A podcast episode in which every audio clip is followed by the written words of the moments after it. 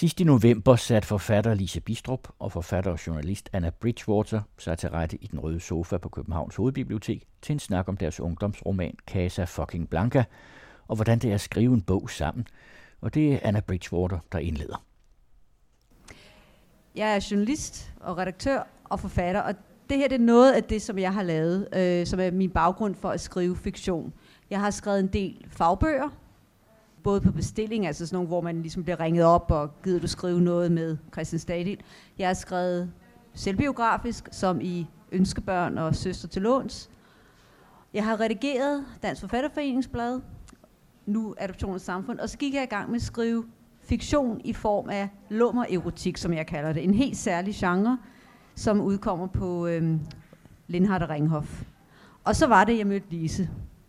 Ja, jeg har så en helt anden baggrund, som I kan se meget mere seriøs. Fisseministeren for eksempel har jeg skrevet om en øh, 13-årig dreng, hvis tissemand bliver to meter lang, og det giver ham nogle problemer i skolen. Så har jeg skrevet børnenes ulandskalender og lidt over 100 andre bøger, så jeg skal nok spare jer for at ramme dem alle sammen op. Jeg har ikke skrevet nogen seriøse bøger på den måde, ikke noget faglitteratur. Så derfor så kommer mig og Anna ligesom fra begge to fra sådan et skrivemiljø, men fra to vidt forskellige slags skrivemiljøer. Og vi mødtes her i Dansk Forfatterforening. Og det var egentlig der, vores øh, samarbejde startede. Det startede simpelthen på den måde, at vi gik til utrolig mange kedelige møder sammen. Og når man sidder til kedelige møde, så er der, så det mest naturlige, det er jo simpelthen at begynde at øh, chatte på sådan nogle øh, chatsider. Det var Messenger for vores vedkommende. Og så påtog vi os nogle øh, personager. Jeg hed Dorit og var en sur mor, og Lise hed Silke og var en uvorden teenager. Ja, og så sad vi til øh, de her møder og var, jeg var meget uvåren til alle møderne, og øh, Anna hun prøvede sådan at holde lidt styr på mig. Det gik ikke så godt. Nej, møderne blev ikke mere spændende af det, men vi fik skrevet sindssygt meget på den ja. måde. Vi fik faktisk skrevet øh, så meget, så vi havde sådan skelettet til en hel bog. Så øh, med de her to personer, så på et tidspunkt, så blev vi enige om, jamen skal vi ikke bare så prøve at skrive bogen, når, når nu vi alligevel har lavet så meget med det i forvejen, og det var jo ret sjovt. Så det blev vi enige om at gøre. Og vi fandt ud af, at øh, bogen her, den skulle øh, handle om Dorit, som er moren, og sådan en rigtig øh, gedin øh, tabermor, der er med i et øh, dokumentarshow, hvor man ligesom øh, udstiller bistandsmodtagere, som ikke kan finde ud af noget rigtigt her i livet. Og det lægger Dorit ikke rigtig selv mærke til, at hun bliver udstillet sådan, og hun synes, at dem, der klipper det sammen, de er ret uretfærdige. Jeg bliver altså nødt til at afbryde, fordi der kører faktisk en reality show lige nu på DR. Den hedder Fri os for bistandshjælp, og det er den slags program, som er inspirationen. Okay. Vil jeg bare lige sige. Ja. Nå, undskyld. Jamen, du kan bare så fortsætte. Nå, men øh, den her kvinde, som øh, lever af bistandshjælp og ikke rigtig kan komme videre i sit liv, hun har heller ikke rigtig ressourcerne til at være en god mor. Og så på et tidspunkt, så kommer hun ud i noget småkriminelt, fordi det er jo den nemmeste måde at få penge på, hvis man ikke har særlig mange. Og så tænker hun, at hun vil stikke af. Ja, plus at hun, øh, hun tænker også, at datteren har brug for sådan lidt sceneskift, fordi øh, Silke, som jo er min persona, hun er begyndt at tage lidt stof og få lidt for mange baghylder på øh, diskotektoiletterne og sådan noget. Og det synes Dorit, når alligevel ikke er sådan den fedeste måde at være ung på. Så hun tænker, det er nok godt på alle måder at komme væk. Og øh, Dorits øh, store idol, det er jo Humphrey Bogart og øh, Casablanca-filmen, som hun kan se igen og igen og blive rørt til tårer hver eneste gang. Så hun tænker, at øh, hun skal selvfølgelig med Silke til det eksotiske og meget, meget lækre Casablanca. Bum, bum. Så det gjorde vi. Det her, det er Casablanca. Det er den store moské, som vist nok hedder Kong Hassan den anden moskeen. Gigastor, crowdfunded, tvangscrowdfundet, kan man sige, af kongen, han fik sine borgere, sine undersåtter til at betale for den. Og det var der, vi tog hen. Og som I, som I kan se, så er der jo ikke særlig romantisk, lækkert, øh, 1001 nat-agtigt. Der er faktisk lidt slidt, men meget smukt på sin egen måde. Altså faktisk så fidusen med Casablanca, det er, at det, det lyder super lækkert, og man har sådan de her billeder fra efterkrigstiden, hvor øh, der var flotte, flotte bygninger, masser af mennesker, og det hele var meget, øh, meget fint og lækkert. Øh, men når man kommer derned, så har alt det her bare stået forfaldet siden krigen. Så der er fuldstændig øh, smadret dernede. Og mange af de øh, bygninger, som var flotte i 50'erne, de er overhovedet ikke blevet vedligeholdt, så de står faktisk tomme nu, og så er de ved at bygge en øh, ny og lækker bydel, sådan lidt væk fra vandet, øh, med sådan store glasfacader og sådan noget. Så det gamle Casablanca, det ligger bare for falder øh, nede ved vandet. Så det er ikke øh, på nogen måde et øh, fedt sted at tage hen med sin teenage-datter. Det nye, som de vil bygge, det har vi så ikke billeder af. Det er der ingen grund til, fordi det nye, som de vil bygge, ligner faktisk Fields. Ja, det ligner Fields. På en prik, bare med vagter. Ja. Og jeg vil lige lave en indskydelse her og sige, jamen vi tog til Casablanca, fordi Dorit og Silke skulle væk. Men i virkeligheden ville vi hellere have været i Bur- til Burma, eller Myanmar, som det vist hedder. Ja. Så det var også pengene, der bestemte, at det blev Casablanca og ikke et mere eksotisk sted. Nogle gange så lærer nød nøgen kvinde at skrive billigt, kan Ja. man sige. det er vores motto. Yep. Og så skrev vi den her. Som øh, udkom på Høstersøns sidste år, og kan lånes på biblioteket her. Vi skrev den på den måde, at vi skrev et kapitel hver på skift, og når Lisa har skrevet et kapitel, så læste jeg Lisas kapitel igennem, skrev det igennem, hvis der var noget, jeg var uenig med, skrev mit eget kapitel, og sendte dokumentet tilbage. Ikke noget moderne, noget med arbejde i skyen. Nej, overhovedet ikke. Nej, simpelthen e-mails frem og tilbage. Ja. Og vi fandt sådan øh, ret hurtigt ud af sådan nogle, øh, nogle tommelfingerregler for kreativt samarbejde. Fordi øh, vi kan, på trods af alt muligt, så kan vi faktisk meget godt lide hinanden. Og så tænker man, "Nå, men hvorfor fungerer vi så godt til at arbejde sammen? Fordi vi er forskellige alder, vi har forskellige baggrunde, vi øh, har skrevet totalt forskellige ting. Og det, der egentlig sådan er den første tommelfingerregel, det er, at man skal have noget kemi sammen simpelthen. Hvis der ikke er kemi, så fungerer et samarbejde fra starten overhovedet ikke. Og kemi, det er der mellem mig og Anna. Det ser man tydeligt her, hvor vi er utrolig enige om et eller andet. Øhm, Vi er enige om, at den ene skal være glad, og den anden skal være sådan lidt grunken. Og jeg var lidt grunken der, fordi jeg var meget mistroisk over for marokkansk mad. Øh, meget uretfærdigt af mig. Men, men altså, kemien er jo også, at Lise bare finder sig i, at jeg sidder der og mukker over min sandwich. Det er jo også en form for kemi. Kemien er også, at øh, Lise respekterer, at jeg kommer fra det her journalistiske udgangspunkt, og derfor egentlig gerne vil research alt ihjel. Altså, jeg vil gerne vide, hvor mange meter der er op til toppen af den her moské. Jeg vil gerne vide, hvornår den blev bygget, hvad den kostede. Jeg vil gerne vide, hvor langt det er til næste by, og hvor meget en busbillet koster, hvis nu vi skulle bruge det i rom- romanen på et tidspunkt. Ja. Lise synes, at det kan være lidt irriterende, at jeg ikke bare kan digte, men det kan jeg Ja, noget kan man også bare google. Ja. Men det er sjovere at gå op i toppen af moskéen selv. Det er det faktisk. Ja.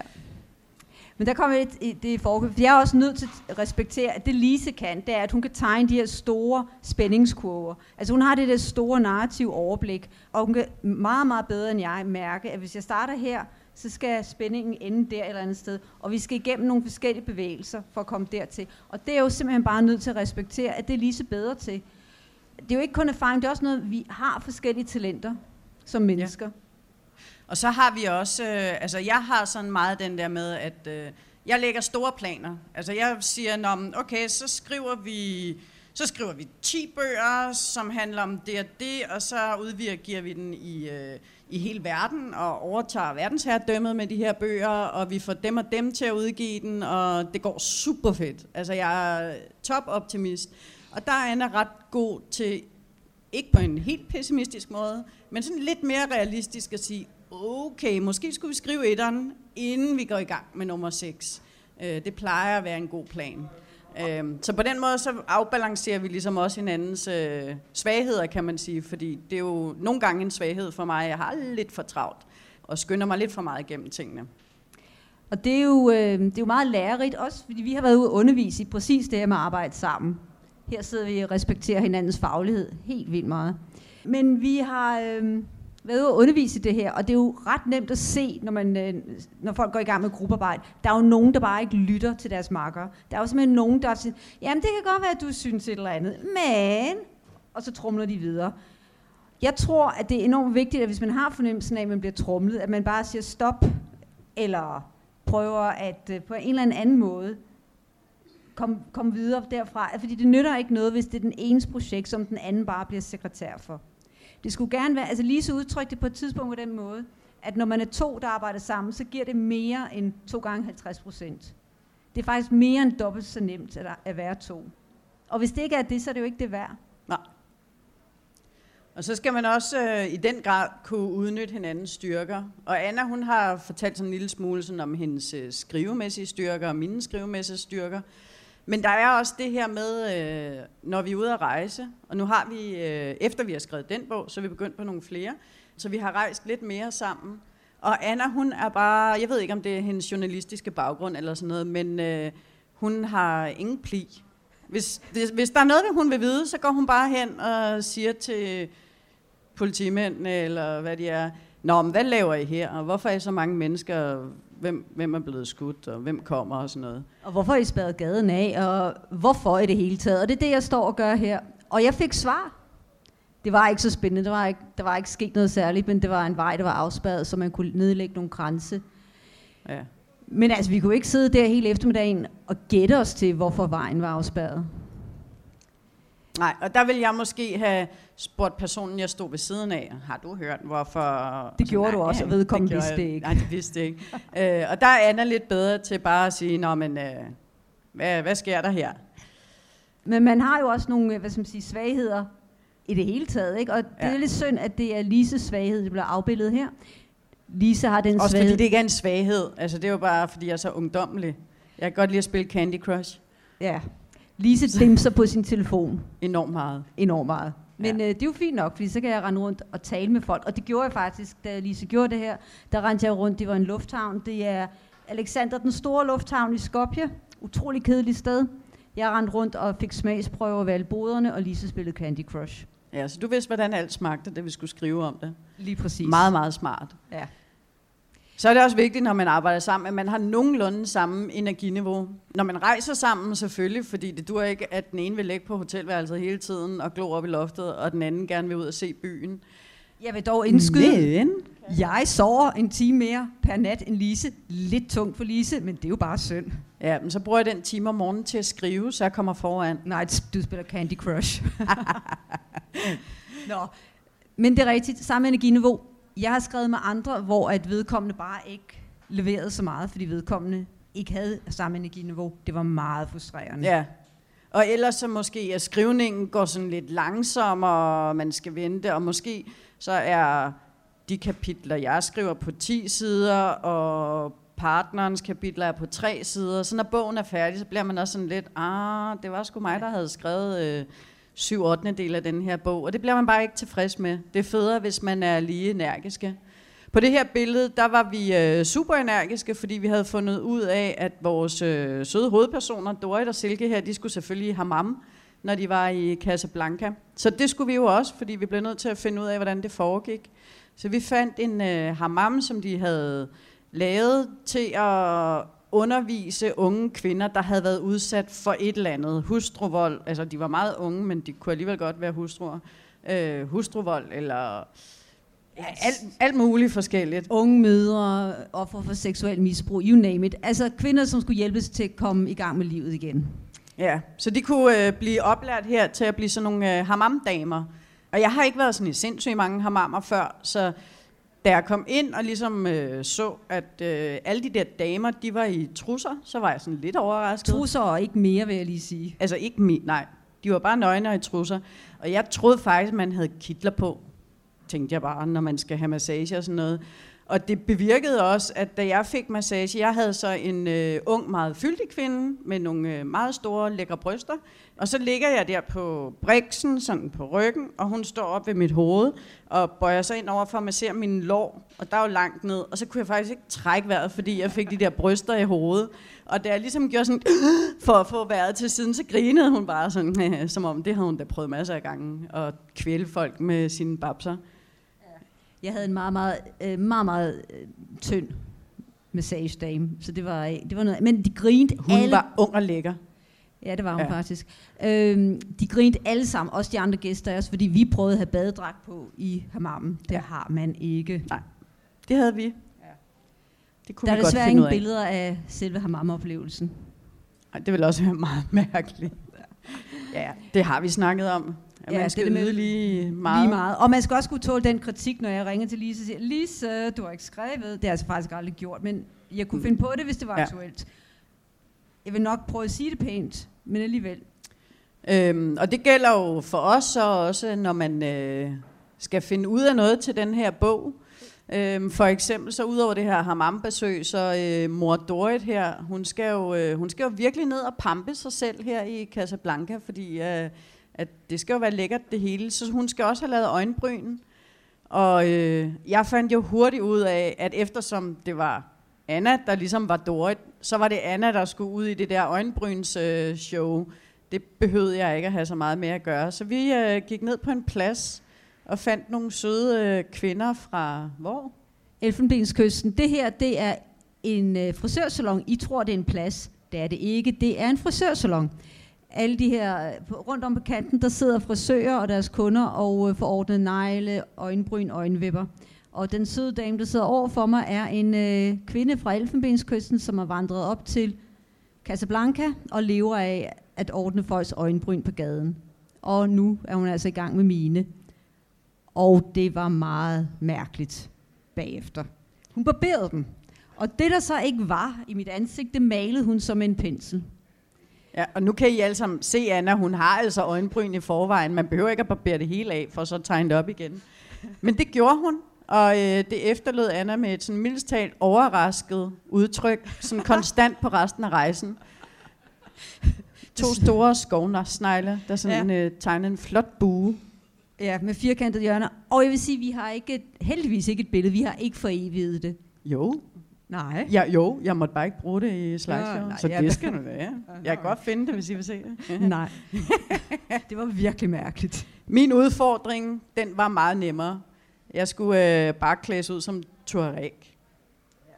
Det var meget, meget mildere. Det var meget mildere, ja. Og jeg ser også meget gladere ud. Og det gjorde jeg også i de følgende dage, mens du gik med dine skovsnegle og så overrasket ud. Men det gode ved at prøve sådan nogle ting, det er, at man hører nogle sjove historier. For eksempel, at øh, kvinden, ordnede min øjenbryn, øh, hun kom fra Elfenbenskysten, og havde flygtet over Sahara selvfølgelig. Ham der, han havde jo så en dansk kæreste. Så, men sådan, ja. det ville jo ikke have fundet ud af, hvis han ikke havde fået lov at klæde lige så Nej, ud. nej. Nej. Så Ja, det gælder om at snakke så meget, som man overhovedet kan med folk, når man er ude at rejse. Men det gør det jo generelt. Det er jo sådan, man får de øh, sjoveste rejseoplevelser. Men så gik vi videre. Så er vi kommet til vores arbejdsproces. En del af vores arbejdsproces er, at vi tager billeder af katte overalt. Men øh, det er så en biting. Her sidder jeg uden for Hassan den anden moskeen. Og, Hvor hviler der? hvor hviler mig vel? Ja, det vi gjorde, det var, at øh, først så blev vi ligesom enige om, hvad for en genre vi skulle skrive den her bog i. Og det gjorde vi jo sådan set allerede tilbage i Dansk Forfatterforening, da vi vidste, at Anna hun var fuldstændig kompatibel med mor Silke, og, øh, og jeg godt kunne lade som om, at jeg var en øh, uvågen teenager. Så det blev sådan en ungdomsbog, øh, genre, vi blev enige om. Og grunden til, at vi har taget det her billede med, det, er, det handler faktisk om den næste bog, vi har skrevet sammen. Øh, hvor vi var enige om, at genren var bestseller. Ja. og grunden til, at vi har taget det her billede med, det skulle være en bog, som sluger læseren, som læseren ikke kan lægge fra sig. Derfor er der et billede af en dreng, min dreng, som simpelthen ikke kan lægge en bog fra sig. Fordi det er det, en bog helst skal kunne, synes vi. Vi er ikke ude efter øh, ud, udvide kunstgenren eller noget som helst. Vi er ude efter at blive læst. Derfor bruger vi simpelthen de greb, som er helt traditionelle og klassiske. Og her er det jo så... Jeg kan lige pludselig ikke huske, hvad den hedder. Jeg siger det ikke. Berettermodellen. Eller valen, som man kalder den tredje klasse. Ja, ja så den, øh, den bruger vi faktisk, når vi øh, skaber vores historie. Simpelthen fordi det virker.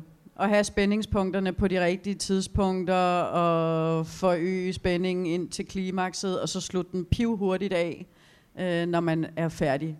Og det gør det også utrolig meget nemmere at arbejde sammen, fordi man kan jo så referere til kurven, når vi taler sammen, og sige, jamen, jeg synes, der mangler noget i spæ- på spændingskurven. Jeg synes, at klimaks kommer for tidligt. Altså, vi har simpelthen en fælles referenceramme, som er det her udgangspunkt. Det vi så gjorde, da vi havde fundet ud af alt det, det var, at vi øh, simpelthen skrev en synopse. Kapitel for kapitel. Hvad sker der der? Hvad sker der der? Og blev enige om hele historien fra start til slut, hvad der skulle ske med, med Dorit og Silke. Og vi havde det meste af synopsen, inden vi rejste til Casablanca, og selvfølgelig var der nogle ting, der blev ændret, da vi var dernede, fordi så var der simpelthen nogle ting, vi fandt ud af, som var spændende, som vi skulle have med, og der var noget, vi fandt ud af, overhovedet ikke fungerede, så det blev vi nødt til at smide ud. Og så noget med, jamen altså den strand, vi havde regnet med, man kunne tage til, den kunne man ikke tage til, fordi den lå for langt væk, og så videre. Så måtte vi finde en anden strand, og så videre. Der er en anden fordel ved Synops, det er, at man kan sige, at man kan uh, sige, okay, så har vi skrevet 33 kapitel overskrifter, og bogen skal være cirka så så lang, fordi det skal bøger helst. Så kan man jo også bare sige, jamen så skal der være så så mange ord eller tegn. Og det siger jeg, fordi at uh, en veninde ringede til mig for nylig og sagde, hvordan får du skrevet så meget? Og så sagde jeg, jamen jeg regner ud, hvor mange ord der skal være i bogen, og så siger jeg, hvor mange ord jeg skal skrive om dagen. Og så ej, hvad med intuitionen? Ja, okay, så brug intuitionen, men det tager bare længere tid. Og er svære at have med at gøre. Jamen, og da vi havde øh, lavet synopsen, så gik vi i gang med at skrive. Og det gjorde vi faktisk allerede, mens vi var ude at rejse. Der begyndte vi at skrive. Der skrev vi kapitel hver om dagen, så vidt jeg ja. husker. Og så sker der det som regel, når Anna og jeg skriver sammen, det er, at øh, Anna hun skider på synopsen. Det er jo Fordi der... hun er simpelthen ikke vant til at arbejde med det pjat der. og så er det jo så, at intuitionen alligevel får plads. Ja. Det var ikke fordi den dør, bare fordi man har en synops. Nej. Øhm, og så øh, når jeg får Annas kapitel, så sidder jeg og river mig lidt i håret og tænker, nå, nu tog den lige en anden drejning. Og så synes jeg faktisk som regel, at nogle af ændringerne er ret gode, fordi, øh, og det kender jeg også fra mig selv, og også når jeg skriver alene, at man får altså bare nogle indskydelser, som det godt kan betale sig at følge, fordi øh, det bare er godt, den der intuition, den er ikke helt skidt. Men Ja. Nogle gange. Nogle gange er jeg ude på et sidespor. Ja. Det skal da ærligt indrømme. Nej, Anna, de skal ikke dø alle sammen. Det behøver de ikke. Jeg vil så gerne slå nogen ihjel. Jeg tænker, ja. hvis, hvis det begynder at gå lidt i stå for mig, så, tænker, så, så laver vi et lille, en lille dødsfald. Ja. Sådan en ungdomsroman om øh, en, ja. Folk skal ikke en bistandsmor, så kan hun slå ind ihjel, hvis Nej. bogen er lidt kedelig. Ja. Det kan man da godt, kan man ikke? Nej, Nej. det kan man altså Nej. ikke. Ja, det er så det helt øh, lavpraktiske. Det har vi øh, snakket en lille smule om. Men øh, ja, det altså, Anna skriver et kapitel, så får jeg kapitlet, så skriver jeg hendes kapitel igennem og retter alle de ting over, som øh, jeg ikke synes, Anna har lavet, som jeg gerne vil have det. Og så skriver jeg mit kapitel, og så får øh, hun det, og så retter hun alle de ting i mit kapitel, som hun ikke synes, jeg har lavet ordentligt, dem retter hun over. Og vi har, det jo, vi har jo hver vores kæpheste. Ja, Lise hader koloner. Ja. Og der er faktisk kolon der. Ja, jeg lader en gang imellem lade dem stå, for ja. du også ligesom kan føle, du med i det. Og jeg hader, at man skriver kvidre, eller... Altså, folk taler og snakker og siger. I min, jeg hader, når folk kvidrer De og visker og væser og knækker. Jeg knækker, og... knækker frygteligt, hader det, sletter det. ja. Men nogle gange, så må jeg jo så acceptere en lille kvider, og øh, ja, lige så acceptere et kolon. En sjælden gang imellem kan ja. jeg godt acceptere et kolon. Et lille bitte et. Og så gik vi i gang med næste. Ja. Og den hedder Ella Tur Retur, og den kommer i det nye år på People's Press, må jeg godt sige nu, ikke? Jo, jo. Vi har simpelthen underskrevet kontrakt, så nu er vi glade. Ja. Ja. Og det var den Lise ringede til mig en dag og sagde, skal vi ikke lave en serie på 10 romaner? Og så sagde jeg, jo det kan vi da godt. Ja. Og så gik vi i gang. Vi øh, fik en lille bitte, bitte smule penge. Nej, det gjorde vi ikke. Jo. Vi fik Nej, ikke til den første rejse. Nej, ikke til den første, det gjorde vi ikke. Den betalte vi selv. Og derfor øh, tog vi ud at rejse nogle meget mærkelige steder, for at være helt ærlig. Altså faktisk så satte jeg, øh, jeg ved ikke om I kender kiwi.com, det er lidt ligesom Momondo, men på Kiwi der kan man sætte ind fra København til det næste billigste sted. Og så skrev den, at så skulle vi til, øh, det var Skopje. Ja, det var pivbilligt at tage fra København til Skopje den dag. Okay, fint. Så siger jeg øh, nogle dage efter, fra Skopje, hvor så er det billigste sted at tage hen. Og så, derfor så kom vi til Skopje og Bratislava og... Vi kan ikke engang huske det. Vi kan huske det, det var vildt pinligt. Uh, der kommer billeder af det lige om to sekunder. Sofia. Ja, vi kom, Sofia, ja. ja. Vi kom til tre meget mærkelige steder, som øh, vi aldrig havde drømt om, men det var pivbilligt og meget Med god lækkert. grund. Nå, videre. Ja. Hovedpersonen hedder Ella, og hun rejser, derfor tur-retur. Det her det er Skopje. Skopje er en af de Måske, mærkeligste byer måske du lige skal fortælle nogensinde. om historien. Ella er en ung kvinde, som hvis liv er ved at falde fra hinanden. Hun, øh, hun opdager, at hendes mand er hende utro. Hun har mistet sit arbejde, eller gået for sit arbejde selv. Og øh, hun synes ikke, hun har noget at blive i sit hjem for. Derfor så deltager hun i en konkurrence om at komme ud og rejse og blogge om sine rejser. Konkurrencen er arrangeret af et rejsebureau. Hun vinder og kommer så ud at rejse alene. Så hun er alene for første gang i rigtig, rigtig lang tid mens hun rejser, også inden, så, har, så begynder hun at interessere sig for nye mænd. Det er jo en øh, romance, kan man sige. Så hun skal jo møde nogle mænd. Kunne også være kvinder, men det er mænd i det her tilfælde. Og øh, hendes første rejsemål, som hun så skal skrive om, er Skopje. Den røde tråd i hendes rejse, det er tidligere østeuropæiske eller tidligere kommunistiske byer. Skopje er en af de mærkeligste steder, jeg nogensinde har været, fordi den her båd, det her skib, som vi har taget et billede af, er overhovedet ikke et skib. Det er en betonklods med trappeklædning, som så er et hotel. Inden, lige inden vi kom derned, sådan nogle år inden eller sådan noget, så har de simpelthen i Skopje brugt, jeg tror det var 14 millioner.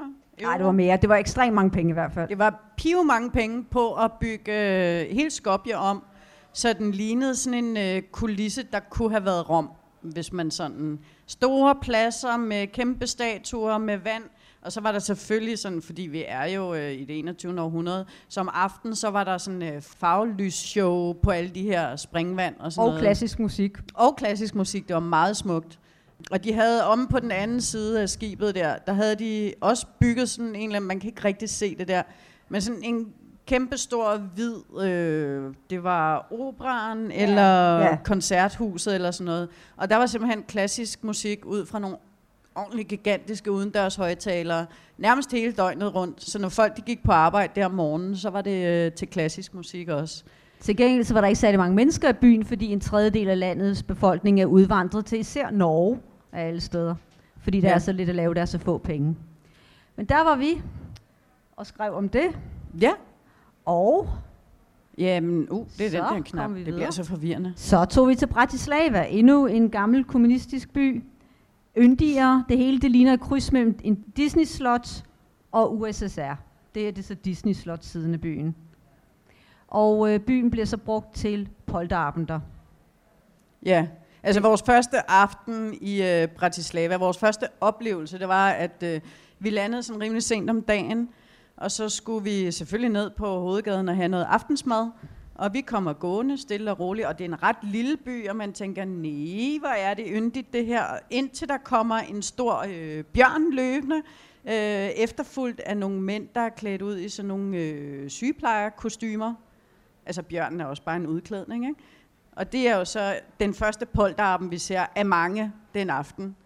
Englænder, som har drukket for mange øl og klæder sig ud som dyr. Det var ligesom det, der var i Bratislava.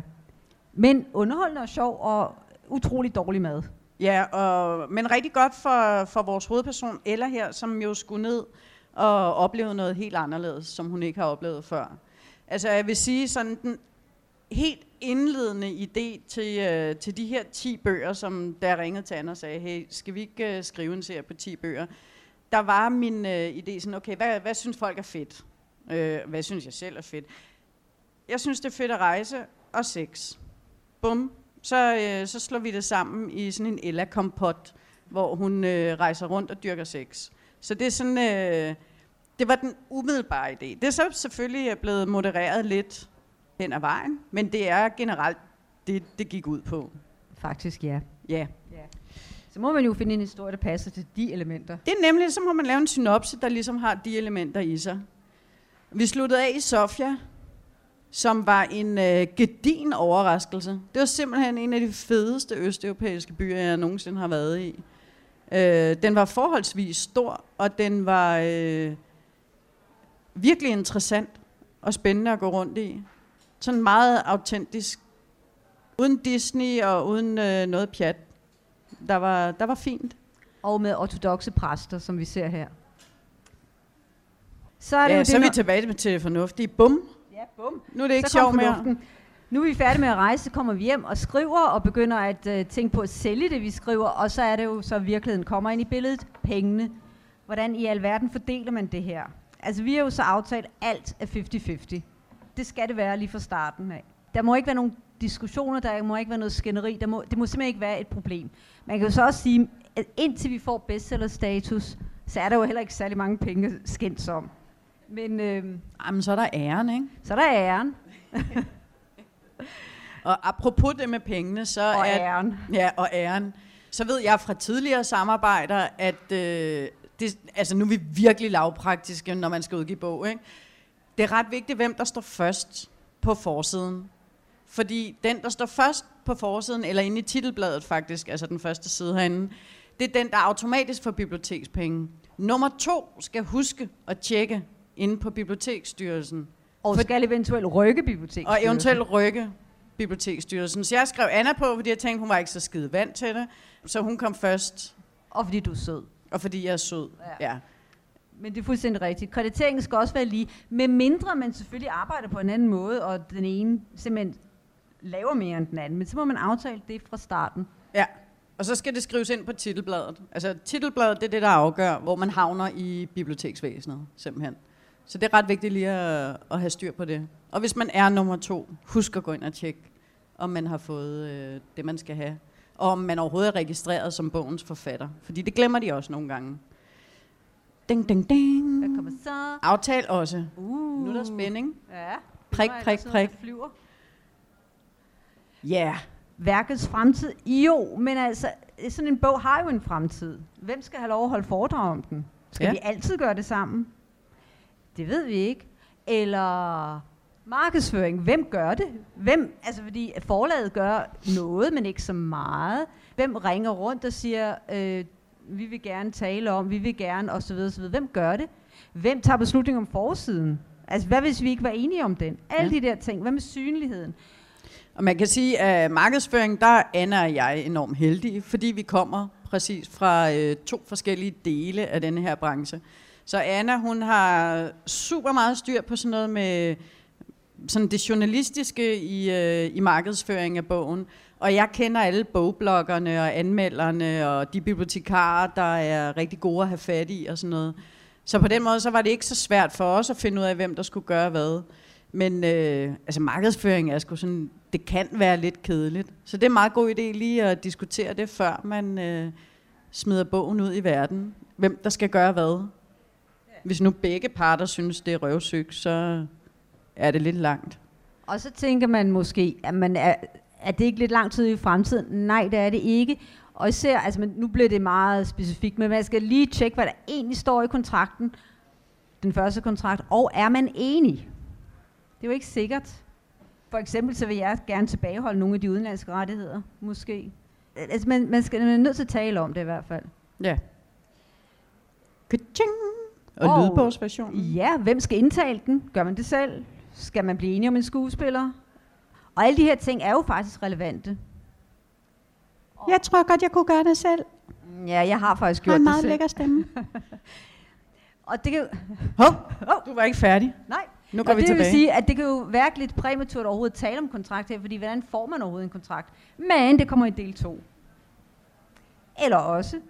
Ja. Må man bruge de kontakter, vi har, og det er jo det, vi har gjort. Altså man skal jo kigge på det på den måde, forlag er jo faktisk interesseret i det, man skriver, fordi forlag er butikker, som skal have nogle varer, og det, man skriver, er deres varer. Så det er ikke så umuligt at komme i kontakt med forlag, hvis man er sådan helt nybegynder. Lidt længere hen ad vejen, så har man jo kontakter. Det her, det var Lises kontakt, øh, da vi skrev Casa fucking Blanca. Nu kommer øh, Ella ud på People's Press, og det var så min kontakt. Det var en redaktør, jeg har arbejdet sammen med tidligere. Det er også et spørgsmål om at dele de, de øh, kontakter, man har simpelthen. Ja. Og også være enige om, hvordan man gør det. Ja, hvad vil man finde sig? Hvad, hvad er en god øh, aftale? Hvad er en dårlig aftale? Mm. Hvem har lov til at forhandle på værkets vejen osv.? Jeg sidder bare og tænker på, hvorfor vi har sat det der billede på, fordi det er pivfjollet. Det billede har vi sat på, fordi når nu vi har sagt alt det her kedeligt med kontrakter og rettigheder, da, da, da, så er der jo en ting, man skal huske. Man skal arbejde sammen, fordi det er sjovt, og fordi man kan blive bedre. Og det her, det er Lise, som har set lyset, og har det sjovt. Hun har simpelthen set finten ved at arbejde sammen med mig. Hun Jeg ligner mere, jeg, som om jeg er bange for at få Sputnik i hovedet, eller et eller andet. Nej, nej. Du sidder i, øh, en båd uden for Skopje og er utrolig glad. Fordi du har set lyset, du har set, hvorfor det er, at vi overhovedet tager til Skopje sammen. Ej, jeg ved faktisk ikke, hvad du tænker. Men det skal simpelthen illustrere, at det skal være sjovt at arbejde sammen. Ellers er der jo ingen finte i det. Det skal være sjovt og berigende. Altså, den anden skal jo kunne noget, man ikke selv kan. Ellers er der ingen grund til det. Ja, øh, og nu kommer det sidste billede, som simpelthen er illustrationen på, at 2 plus 2 giver 5. Og i mindste fald 4, hvis man samarbejder. Og her der øh, er der en, der ikke har haft en at spille bold med. Nej, han troede, det var ananas, men det er jo meloner. Så han skulle have haft en marker der til at hjælpe ham med skriveprocessen. Hvor var det hen? Det var også i Skopje? Det var også Skopje, ja. ja. ja. Søn for ham. Det var simpelthen, hvad ja. vi har på hjertet, er det ikke? Så tror jeg, vi vil sige tak for i dag. I hørte forfatterne Lise Bistrup og Anna Bridgewater, der sad i den røde sofa dengang.